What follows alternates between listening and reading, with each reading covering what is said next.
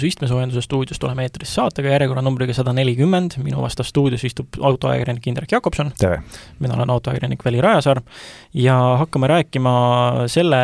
viimase jooksva nädala põletavamatest teemadest ja uudistest, pluss siis peatume ka mõnel asjal, mis lihtsalt eelmisesse saatesse puhtfüüsiliselt ära ei mahtunud. esiteks ähm, tuleb saate alguses kohe ära automõte Äh, pole väga keeruline arvata, mis see on, vaadates aasta aega, vaadates, et on juba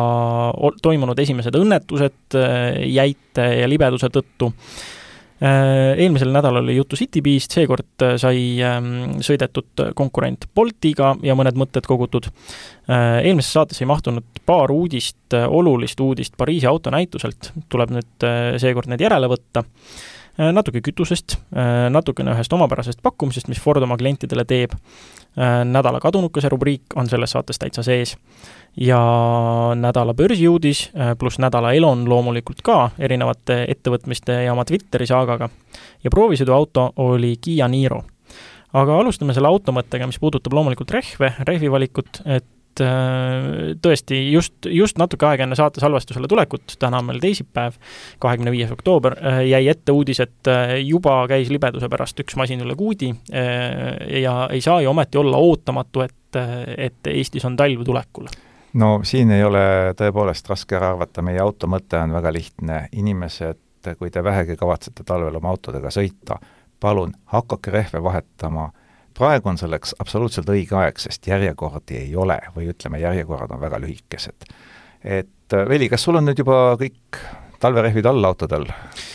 Äh, kusjuures ei ole, aga ma olen selles mõttes ka võib-olla natukene järjekordade osas privileegipime, sellepärast et äh, mul on enamusel oma autodele teisel väljakomplektil juba tasakaalustatuna olemas ka teised rehvid, et ongi ainult kondi jõuvaev, et minna ja ümber visata lihtsalt et äh, kuigi eelmises saates, vist oli eelmises saates, kus ma sain öeldud, et äh, noh, et nüüd on aeg minna ja võtta oma kaua seisnud äh, Gorilla talveroim ja, ja minna teha, teha. et selleni ma paraku ei ole veel jõudnud, aga see on plaanis ja tema on juba jah, naastudega kenasti valmis. noh, siis sa saad juba sõita niimoodi enam-vähem usutavalt ja korralikult, et ei ole sellist muret, et kui nüüd jälle teeb väikese miinuse, siis siis oled sina see, kes kellelegi tagant otsa sõidab või siis äh, üle katuse käib? jah, olles neid äh, mõlemat nimetatud tegevust elu jooksul teinud, siis äh, väga ei soovita kellelegi ette võtta, pigem jah, rehvid väljad ära vahetada. aga läheme selle rendiauto, rendimasina teema juurde edasi, et eelmises saates sai kui üle-eelmises saates sai Bolt kriitikat, siis eelmises saates sai Citybee kiidulaulu seekord ma saan aru, sa proovisid väikse Bolti sõidu jälle vahelduseks? jah, tegin väikese Bolti sõidu ja kuna rendiautot või siis ka elektritõuksi renditõuksi vormis kasutan tavaliselt selliste vahemaade läbimiseks, kus ühistransport ei käi, siis on ka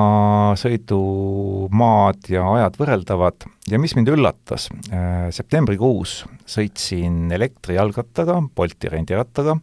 ja maksin selle eest peaaegu neli eurot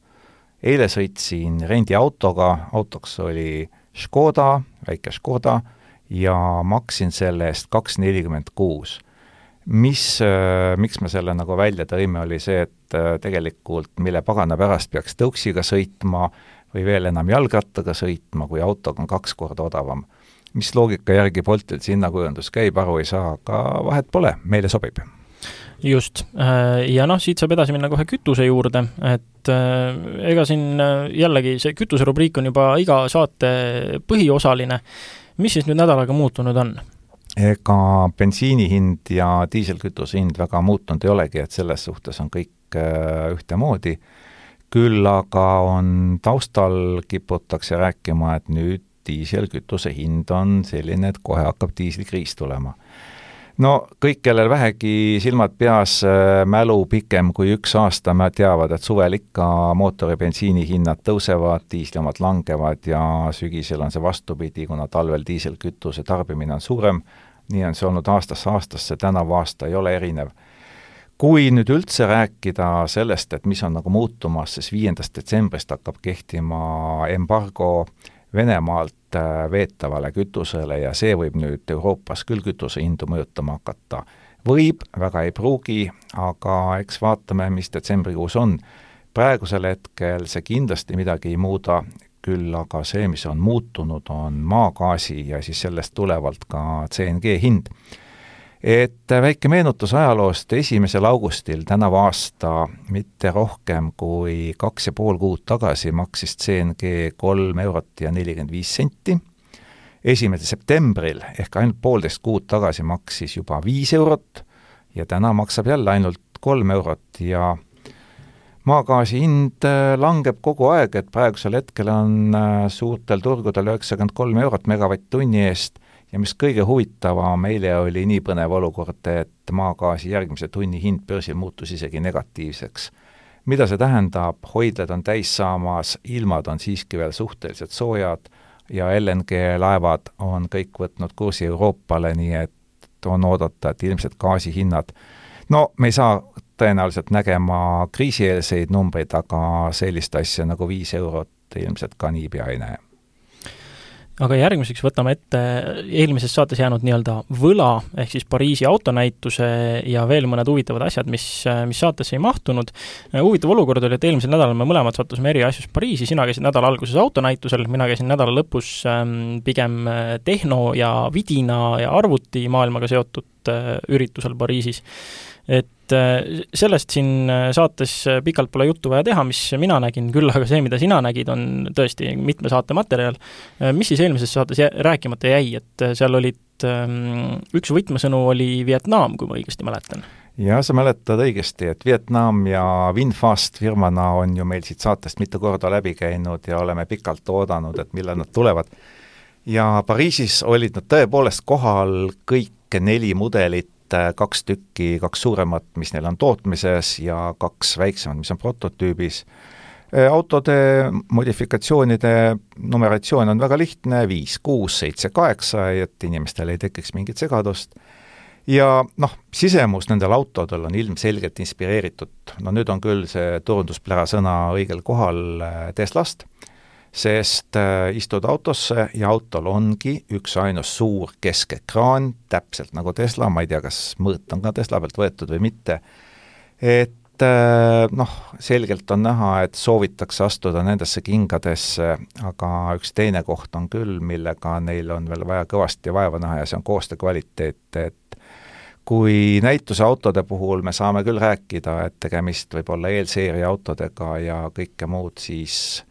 ometigi võiks näitusele tuua autod, millel uksed korralikult sulguvad ja kõik paneelid on ka ilusti tasaseks aetud, et äh, ütleme nii, vietnamlastel on ruumi, kuhu areneda. no aga tuletame meelde, mõned aastad tagasi siin heideti Teslale pidevalt ka ette, et nende koostöö kvaliteet on alla igasugust arvestatud, küll on räägitud, et et Tesla värvitehnoloogia eest vastutav inimene tuleks äh, vallandada ja noh, see on kõige leebem asi, mida talle no, soovitati. jah, me kõik seda mäletame, aga siin tuleb arvestada, et äh, vietnamlased tahavad tulla Euroopa turule ja Euroopa turu kvaliteedi nõudmised on paraku natukene kõrgemad kui teistel turgudel, nii et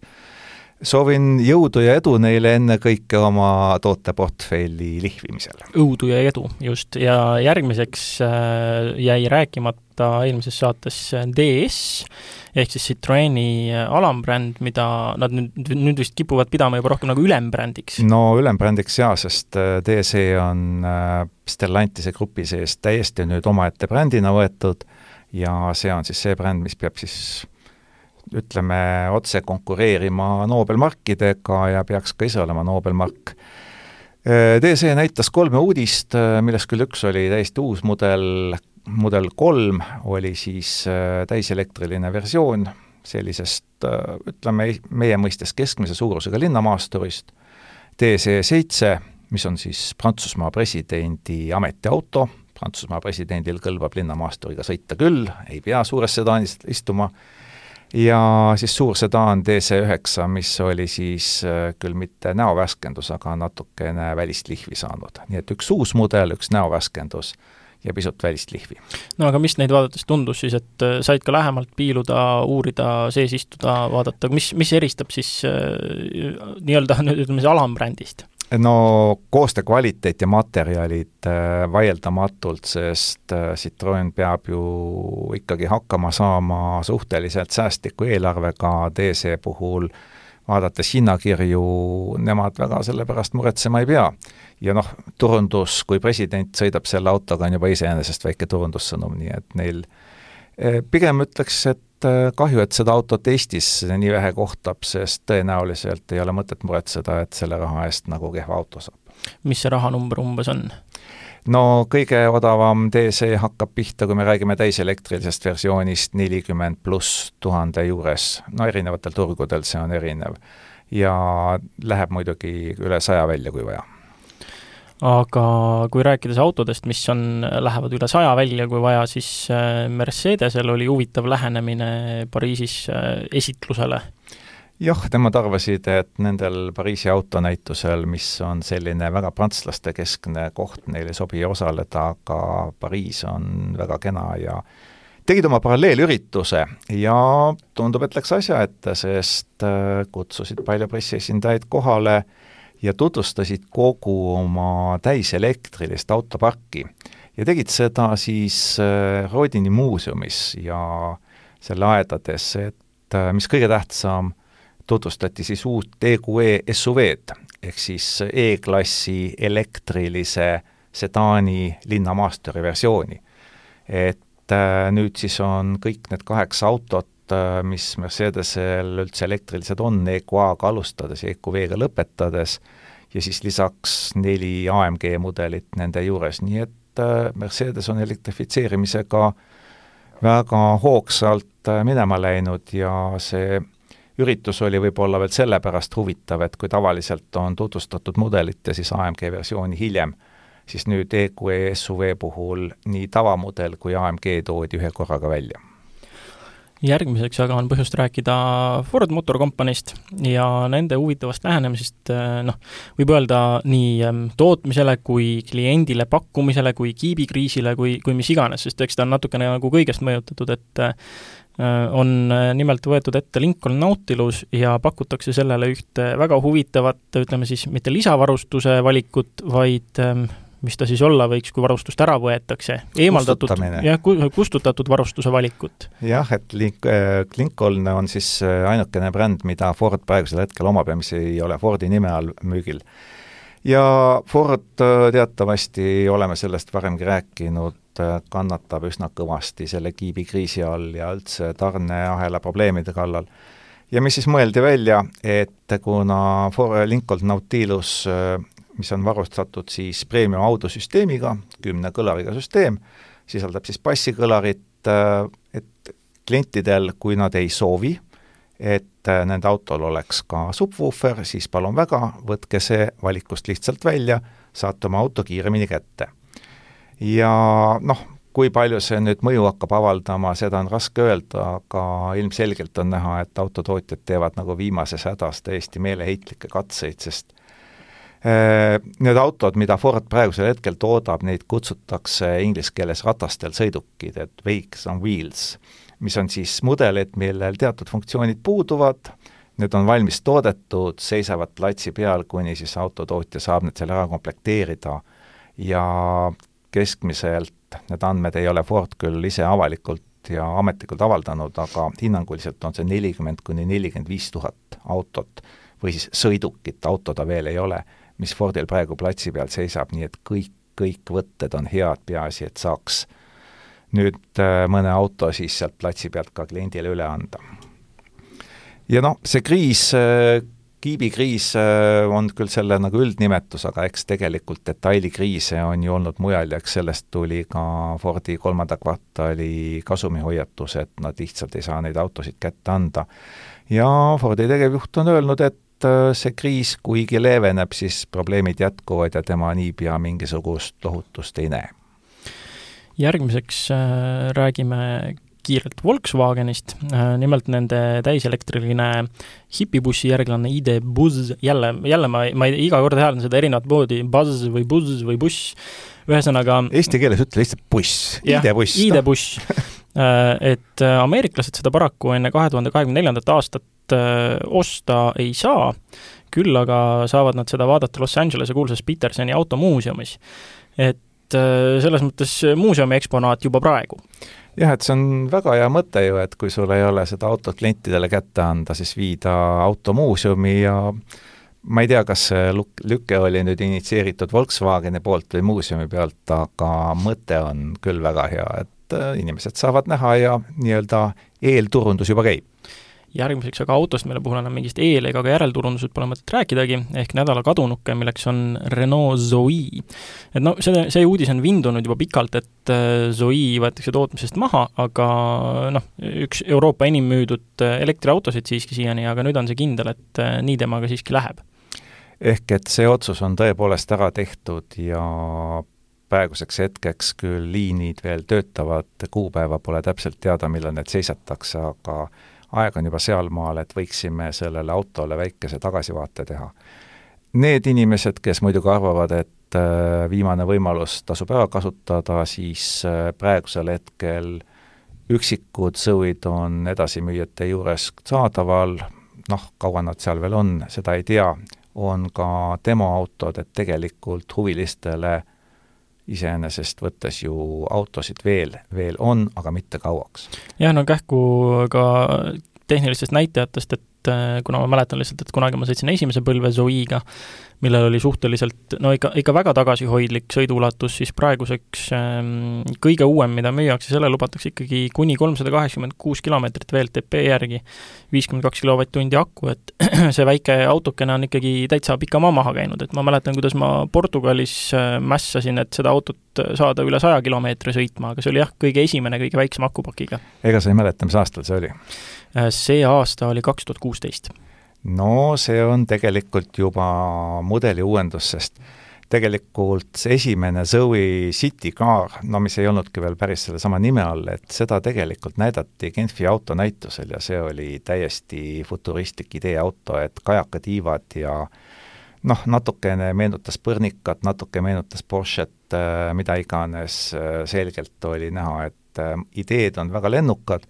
aga kaks tuhat kümme Pariisi autonäitusel siis veeretati juba ette selline noh, tootmiseks enam-vähem sobilik versioon, kajakatiivad olid kadunud, uksed konventsionaalsed äh, ja noh, see auto sõitis siis ühe laadimisega sada kuuskümmend kilomeetrit. aga kui rääkida sellest ajast, kui tootmine pihta hakkas, siis iseenesest võime ikkagi öelda, et kaks tuhat kolmteist oli see aasta, kui tõrgeteta tootmine lahti läks ja seda võib siis ka alguseks lugeda, et kõige esimene inimene, kes siis seeriaviisiliselt toodetud Zoe kätte sai, oli muide toonane Prantsusmaa tööstusminister Arnaud Montebeur. ja autot toodetigi siis kahe koodi all, C kakskümmend ja C nelikümmend ja kaks tuhat kuusteist, ehk siis see, kui sina, Veli, seda autot nägid, siis oli see hetk, kui tehti talle mudeli värskendus ja äh, ega auto kerekujus palju ei muutunud, et peale vaadates oleks neid suhteliselt keeruline eristada, kus olid suured muutused, olid tegelikult sisemuses, et sisemus muutus tsiviliseeritumaks, et esimese põlvkonna oma oli ikka suhteliselt ufo ja e, parendusi muidugi tehti varem, aga kaks tuhat kuusteist, kui ta sai uue aku, siis öeldi, et nüüd on nagu uus põlvkond mis on huvitav, Renault-Nissani koostöö sel ajal sujus päris hästi, aga Leafiga näiteks Zoe platvormi ei jaganud. Eh, pardaelektroonika oli unifitseeritud, eh, mitmed multimeedia sisuelemendid ka, aga sellised põhikomponendid nagu veermik ja aku tulid ikka mõlemad eraldi. ja kui tavaliselt autode puhul räägime tagasi vaadates, et mis ta siis elu jooksul saavutas, noh, Zoe erilite kõrgete autasudeni ei küündinud, aga kaks tuhat kolmteist aastal, kui ta siis oli tootmisse läinud, siis sai maailma aasta auto valimistel keskkonnasõbralike autode klassis esikolmikusse.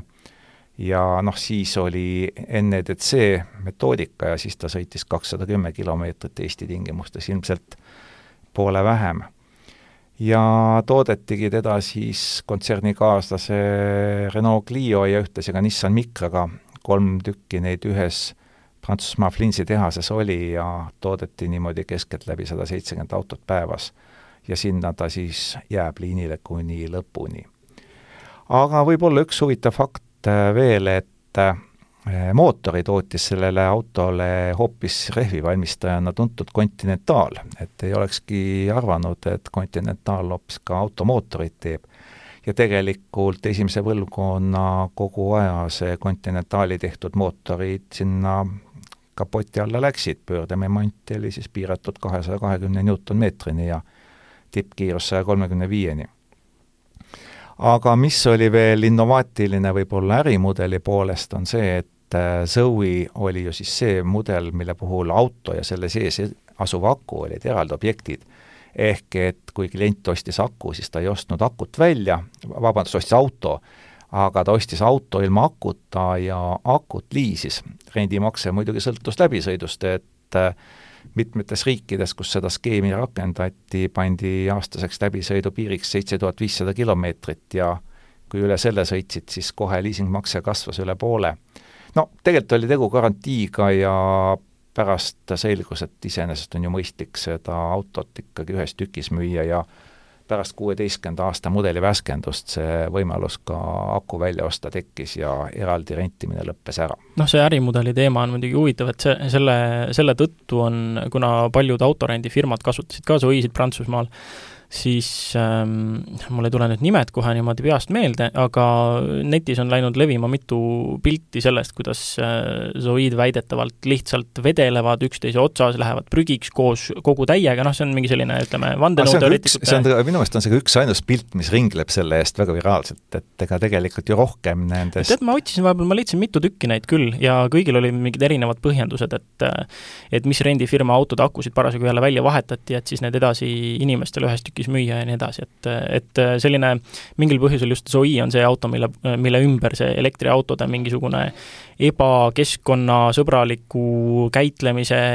selline paanika on üles puhutud, et just neid pilte kasutades. et ega auto iseenesest ei olnud üldse halb, ta oli lihtsalt väga väike ja noh, tema populaarsus Euroopas elektriautode seas oli päris suur, et ta oli reeglina ikka esikolmikus, aga noh, toona ei olnud ka konkurente eriti, et ega Volkswagen e-Golf nüüd mingisugune tõsine elektriauto ei olnud jah, ja noh, Zoe'st veel ka see minu meenutus äh, tema se-, seiklemisest Portugalis,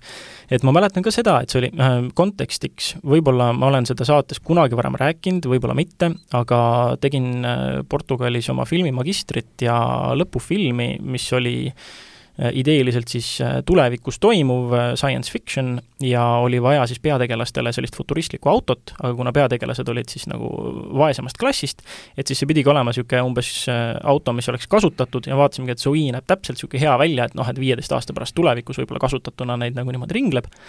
sai ta siis esinduselt välja räägitud, kõige tutikam, mis oli, ja räägiti ka, et see on see uus äh, värskendus ja teise suurema akupakiga,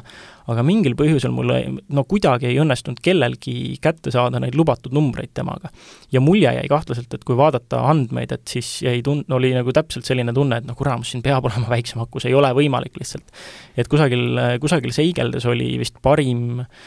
ütleme siis eh, siledal pinnal seigeldes oli parim vist kas sada kuus kilomeetrit enam-vähem, mis selle kusagil üheksakümne viie protsendi akuga sai maha sõidetud ja, ja viimane võttepäeva lõpus veel seiklus, kus akut oli no oligi alla ühe protsendi näitas ja hoiatas juba pikemat aega ja, ja oli vaja laadijat otsida ja no ei, ei õnnestunud, aga noh, aga kusagile seisma ka õnneks ei jäänud, et lõpuks, lõpuks kuidagiviisi saime hakkama, aga eh, see on see auto, mis tutvustas mulle seda elektriauto sõiduulatuse, mm, ütleme siis, sõiduulatuse ärevust no minul õnnestus omal ajal sõita kahe versiooniga, ehk siis selle mudeli värskenduseelse väiksema akuga, mis siis seest nägi välja kosmoselaeva moodi, ja siis seda viimase versiooniga, millel viiekümne viie kilovatine, kilovatt-tunnine aku.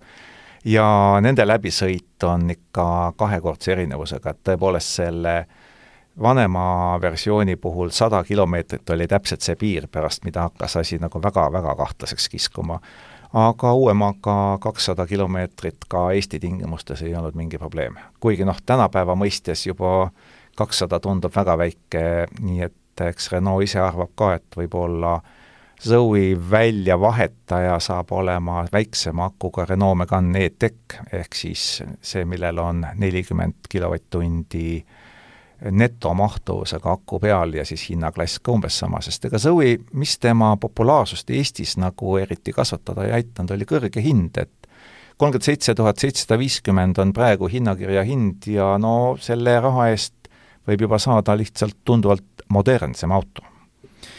aga elektriautode teemal äh, ka jätkame, sest eelmises saates lubasime, et äh, räägime Tesla börsi või Tesla kvartali tulemustest. Ja nüüd on need lõpuks siis selgunud. jah, need äh, tulemused olid üsna täpselt sellised, nagu analüütikud ootasid. Natukene jäi küll kasum aktsia kohta teistsuguseks, aga mis tegelikult mõjutas, oli Eloni pikk pikk konverentskõne, kus ta siis kõigest rääkis ja oma plaanidest ja see investoritele küll ei meeldinud, et see kukutas siis Tesla aktsia kohe kuus protsenti allapoole. Aga mida ta siis äh, on selle nädala jooksul, võib-olla võtaksime kõige olulisemad momendid kokku, noh, iseenesest isegi Tesla tulemused ei ole selle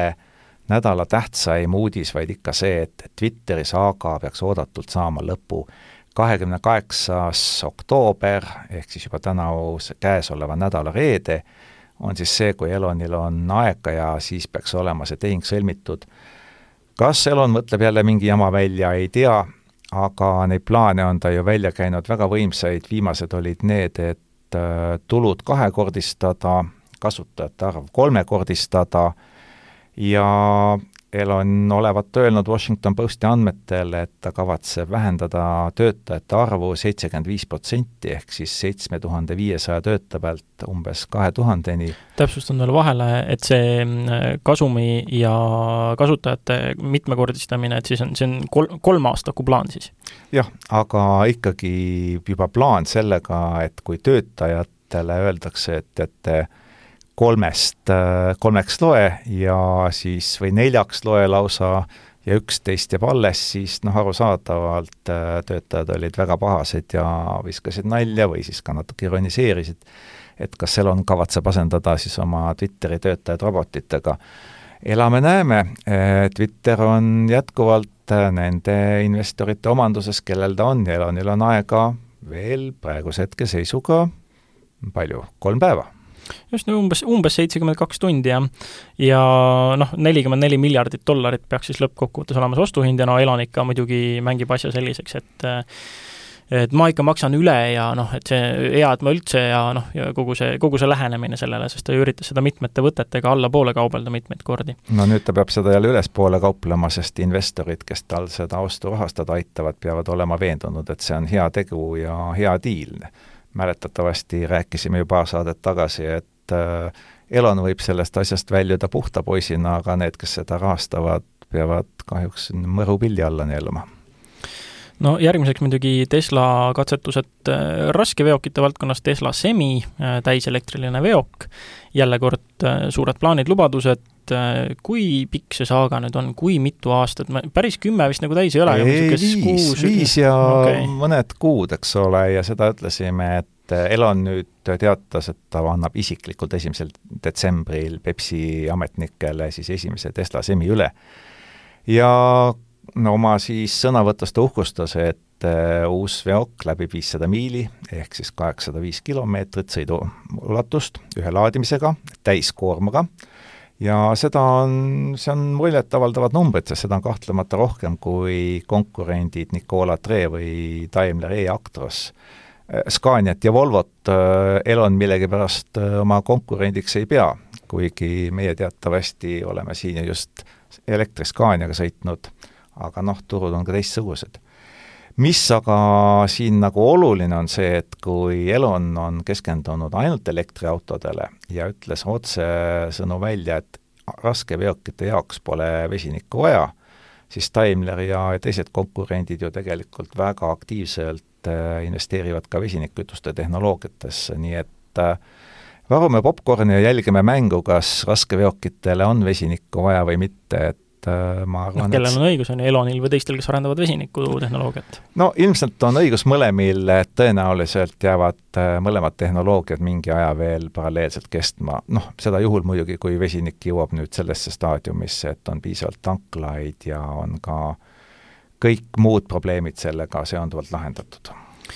no muidugi ka Elon ja Starlink on järgnev saaga, et kui eelmisel nädalal rääkisime sellest, mis Starlinkiga Ukrainas toimub, siis äh, tegelikult on Elonil plaanis ka Iraani Starlinki võrku rajada, et noh, teatavasti Iraanis praegu toimuvad meeleavaldused, suur segadus, äh, püüd režiimi ähm, kukutada või muuta, äh, kõik igasugused internetikanalid on elanikele põhimõtteliselt kinni tõmmatud, et noh, kus häda näed laita, seal tule ja aita, tundub olevat Eloni mõte siinkohal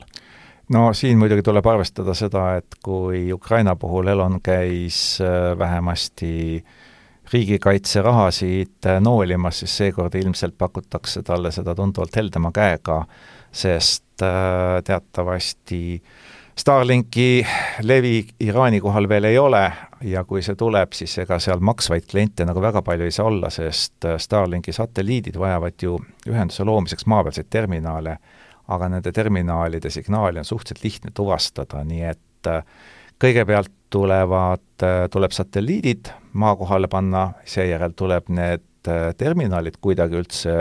üle piiri Iraani sisse smuugeldada, noh ja alles siis võivad hakata juhtuma need asjad, mida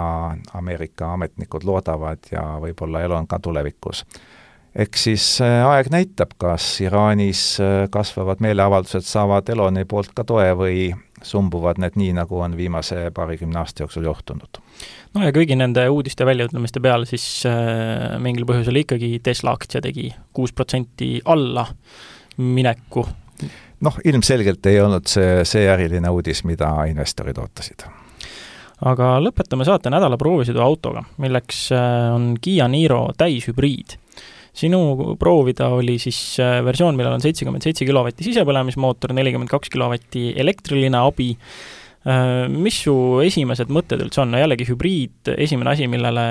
ma mõtlen, on kütusekulu. kuidas sinu proovisõidu puhul, palju sõitsid ja mis sa said lõpuks kuluks? no praeguseks hetkeks äh, olen sõitnud selle autoga natukene üle poole tuhande kilomeetri ja keskmine kulu selle juures näitab ta mul kusagil viis pool liitrit sajale siin tuleb nüüd arvestada, et enamik sellest on olnud maanteesõit ja maanteesõidul teatavasti hübriidmootorist eriti palju kasu ei ole, aga linnas äh, olen saanud ka viieliitrist kütusekulu näha ja täpselt samamoodi aeglasematel maanteelõikudel viieliitrist kulu. mis see VLTP meile ütleb, me paljuga, paljuga me petta saame siis? no saame umbes äh, null koma viiega, sest VLTP ütleb neli koma neli kuni neli koma seitse äh, kui väga ökotada ja ilm oleks äh, kümme kraadi soojem, siis ei ole see võimatu. ei ole isegi üldse mitte suur petta saamise protsent siis? ei ole, et arvestades äh, seda, et väljas on ikkagi pime oktoobri lõpp, siis on see tegelikult täitsa okei okay number, sest äh, viieliitrine kütusekulu bensiinimootoriga auto kohta, mis on sedavõrd ruumikas nagu Niro, on väga okei okay, ega diiselauto palju paremat tulemust ei näitaks. Nüüd küsin ka seda, et et äh, kuidas on sõitjate ruum, kuidas on kvaliteet, kõik muud asjad, sest noh, sellest, see ei ole nüüd kellelegi vast enam uudis, et äh, korealased on siin mitmeid-mitmeid aastaid teinud väga suuri samme, et äh, kvaliteedi kõigile järele tulla ja odavama hinnast paremat kvaliteeti pakkuda, kuidas sul tunne Kiiaga jääb, kas ta saab sellega jätkuvalt hakkama? no jätkuvalt on võib-olla natukene ennatlik öelda, sest äh, eks Kiia on tulnud väga madalalt ja ta on teinud tegelikult hästi suure arenguhüppe. ja äh, eks seda tormihoiatuse andis tegelikult Hyundai aasta tagasi oma pisikese mudeliga Bayon, mis meiega top kolme läks just seetõttu, et ta esines maa, munakivi testis suurepäraselt. ja noh, kui rääkida Kiia sisemusest, siis äh, tal on kaks kaks äh, omadust, mis äh, väärivad nüüd kohe esiletoomist. esiteks, äh, ta on äärmiselt ruumikas oma suuruse kohta, eriti tagaistmel, keskmisest pikem mees võib juhiistme enda järgi paika seada ja tema taga sama pikk mees mahub suurepäraselt istuma, ehk et tegemist on tõelise ruumiimega ja samas on pagasiruumi nelisada viiskümmend üks liitrit, auto pikkust ainult neli koma neli meetrit selle juures. võib-olla on see saavutatud tänu sellele, et rattad on väga nurkadesse paigutatud, igatahes on taha väga mugav siseneda, väga mugav väljuda, ruumi on seal palju, mis tähendab seda, et tegemist on esiteks väga mahuka autoga, seda on ökonoomne, seda me juba rääkisime, ja teine aspekt, see kõik on äärmiselt kvaliteetselt kokku pandud munakivitestis puhas viis ja see on juba tulemus, millega iga auto hoobelda ei saa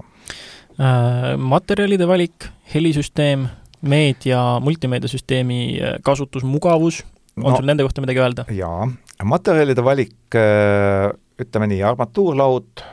täiesti korralik, on nahk, naha imitatsioon, kõik pehmed, ei saa millegi üle kurta, istmete seljatoed, tagauksed, seal on loomulikult palju-palju kõva plastikut, võib-olla rohkemgi kui keskmiselt, aga see plastik on üllatavalt hästi kokku pandud ja see ongi see kõige suurem üllatus, võiks oodata kolinaid, loginaid, naginaid, aga neid ei ole.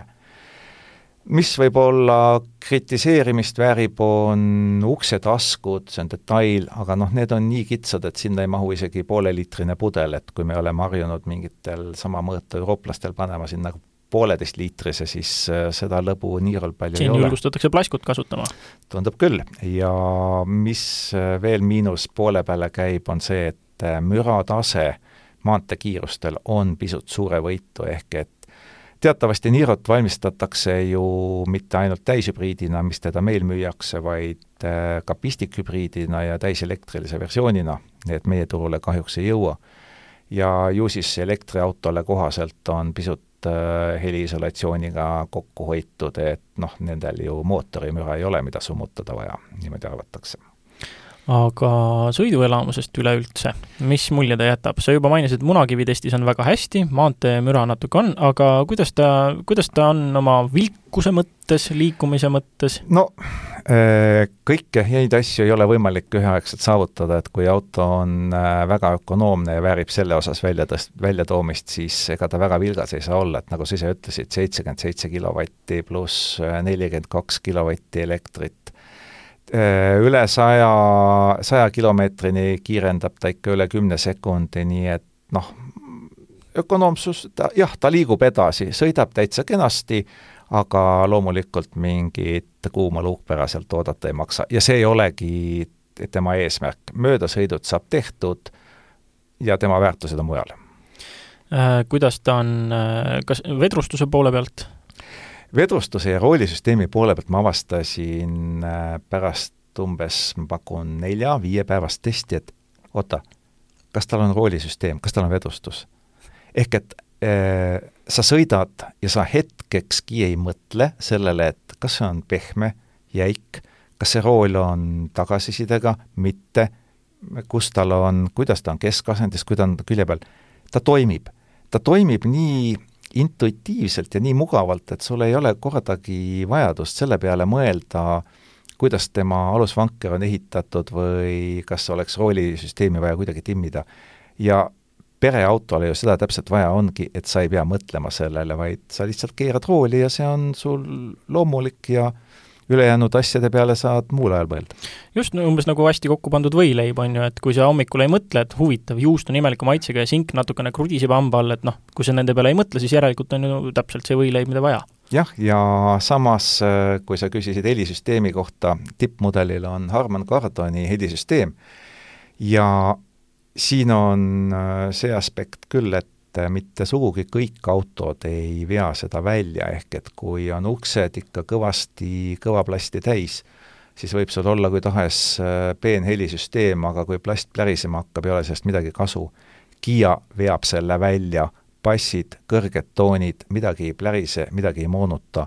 ehk et äh, seal on sellest äh, tõepoolest korralik koostöö kvaliteet koos hea helisüsteemiga toetavad teineteist. ja see on juba päris hea asi Äh, kas äh, jätkuvalt äh, Kiia garantii ilma mingisuguste pisikeste kirjadeta kehtib? seitse aastat? seitse aastat ja, või sada viiskümmend tuhat ja varustustasemete osas on see lihtne ja loogiline, kuidas seal on, noh, veoskeem on, on ju veoskeem on kahjuks ainult üks esivedu, sada kuuskümmend millimeetrit, clearance'id, nii et kuigi võiks ju arvata, et Äh,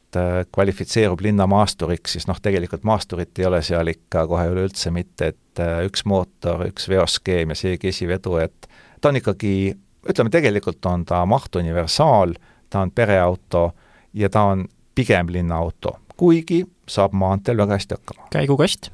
Automaatne kuue käiguga topeltsiduriga automaat. nii et ka siin pole valikut? ka siin pole valikut. nii et ainult saadki varustust laduda põhimõtteliselt? saad varustust laduda nelja versiooni vahel ja kui võtta tippversioon, siis äh,